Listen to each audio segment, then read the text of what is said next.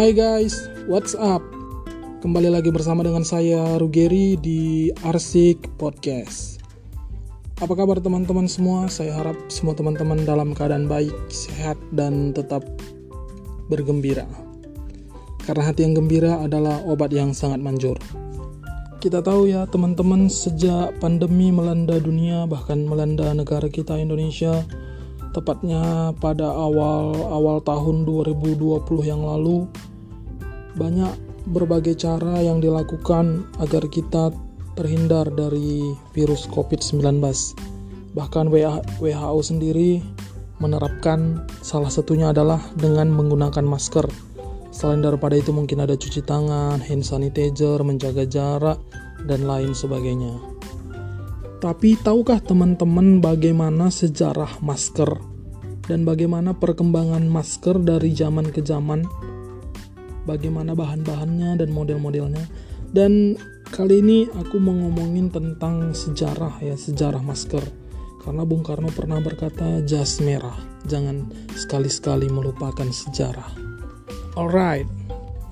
Ya teman-teman pada abad ke-6 sebelum Masehi, sejarah mencatat bagaimana sebenarnya awal perkembangan masker itu. Jadi banyak yang menghubung-hubungkan bahwa sebenarnya awal masker itu ada adalah dengan penemuan beberapa gambar gambar orang yang memakai kain untuk menutupi mulut mereka di mana itu ditemukan di makam-makam Persia. Jadi itulah awal pertama sekali bagaimana masker itu dapat ditemukan dan terus berkembang berkembang berkembang sangat pesat sampai sekarang. Itu hanya bermula dari kain yang menutupi wajah, yang menutupi mulut orang-orang pada saat ada di pintu makam Persia. Kita beranjak dari abad ke-6 sebelum Masehi ya, yaitu di Cina. Masker pertama kali diduga itu muncul pada masa zaman dinasti Yuan.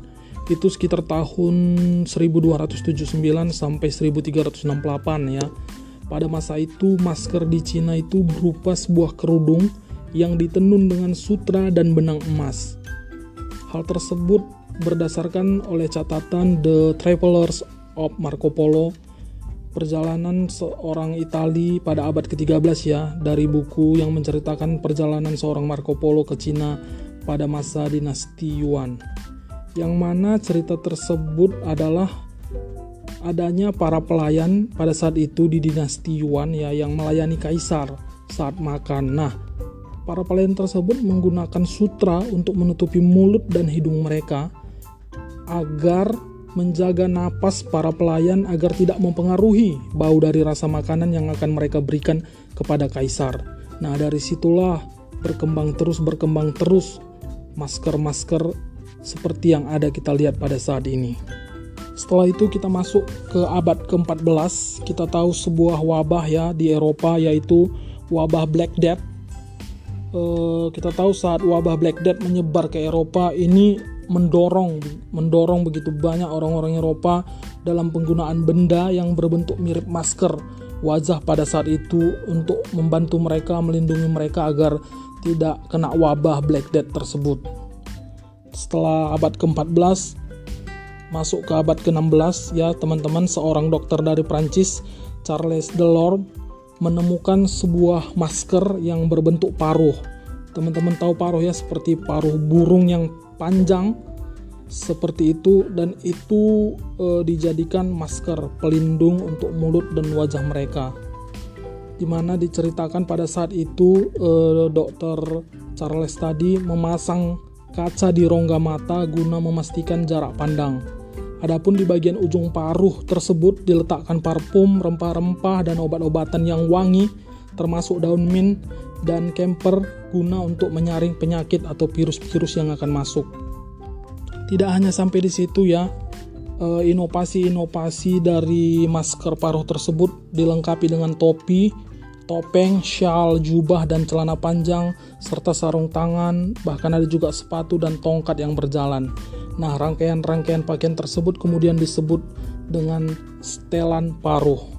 Setelan paruh ini kemudian berkembang lagi menjadi sebuah simbol kematian yang menakutkan akibat wabah yang saat itu sangat meluas.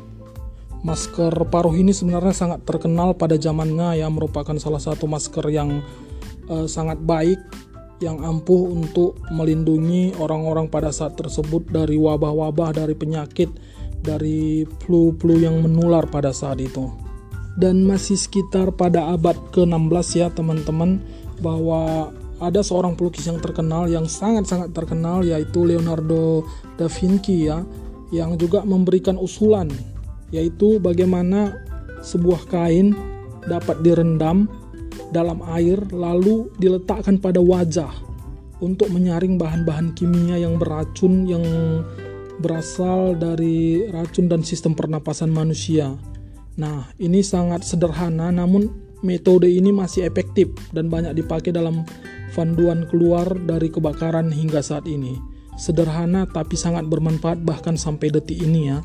Ini salah satu masker, masker wajah yang juga dapat melindungi kita dari berbagai penyakit. Dari abad ke-16, masker terus berkembang, berkembang, berkembang, berkembang dengan sangat cepat. Ya, terbukti di perkembangan yang modern, desain masker kemudian mengalami terobosan yang maju, yaitu pada sekitar abad ke-19. Pada tahun 1827, seorang ilmuwan asal Skotlandia, Robert Brown, menemukan sebuah gerakan Brownian yang mana secara teoritis hukum ini membuktikan mengenai efek perlindungan masker terhadap debu.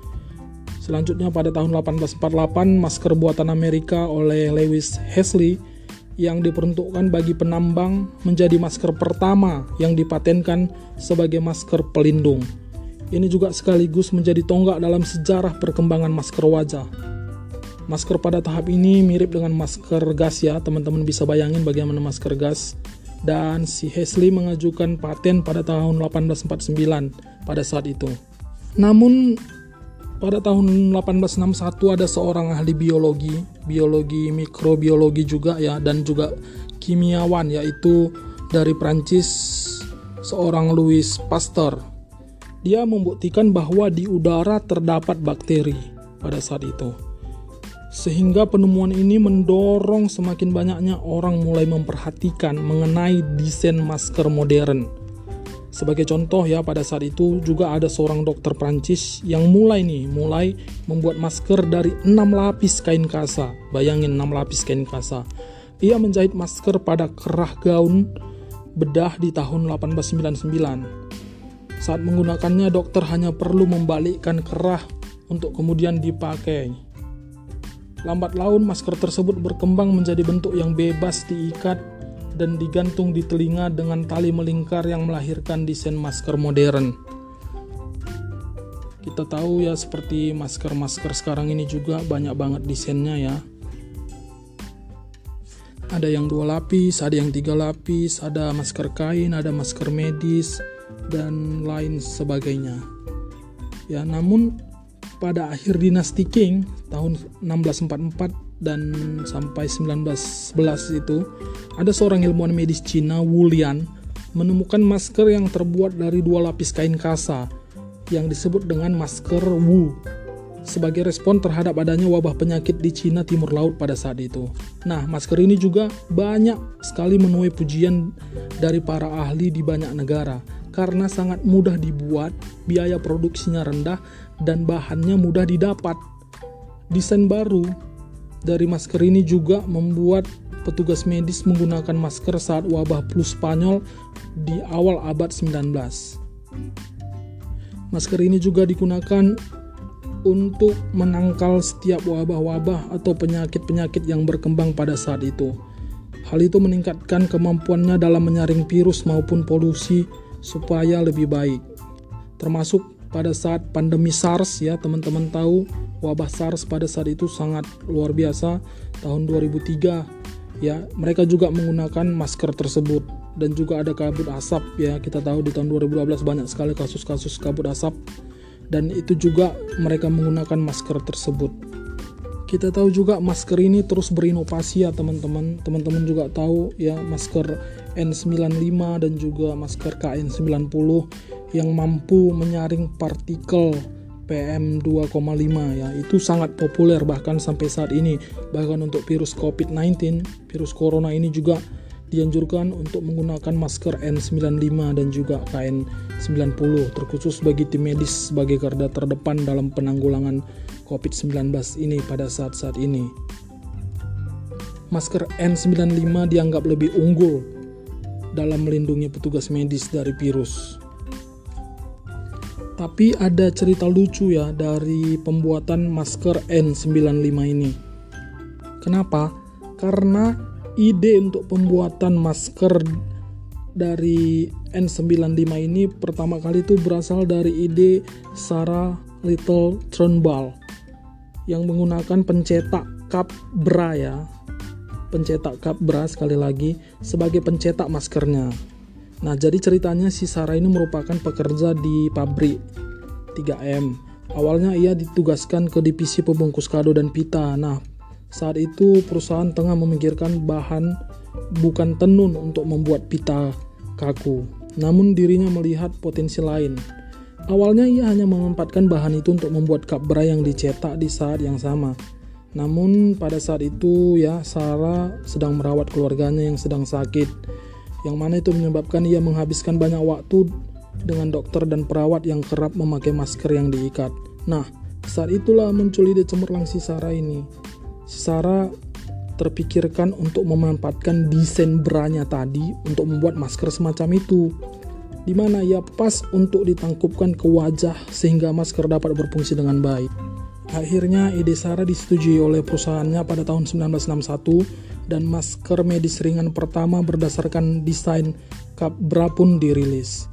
Bayangin ya dari cup bra ya bisa jadi masker. Bukankah itu sesuatu hal yang luar biasa? Ya, jadi itulah teman-teman beberapa sejarah perkembangan masker ya. Kita tahu uh, awal dari masker ini adalah digunakan kain sebagai penutup hidung atau mulut untuk mencegah bebauan ya keluar dari mulut kita dan juga mencegah virus-virus masuk ke mulut kita. Namun terus mengalami perkembangan-perkembangan sehingga sampai sekarang kita tahu banyak sekali masker-masker yang beredar. Apalagi di tengah uh, pandemi ini masker begitu banyak dengan desain-desain yang luar biasa dengan desain-desain yang keren. Mungkin intinya walaupun nanti corona ini berakhir mungkin tren untuk menggunakan masker akan tetap berlanjut. Oleh sebab itu selalulah menggunakan masker ke mana pun teman-teman pergi. Walaupun teman-teman gak sakit gak apa-apa gunain aja maskernya. Karena apa? karena lebih baik mencegah daripada mengobati. Oke terima kasih untuk partisipasinya. Salam jas merah. See you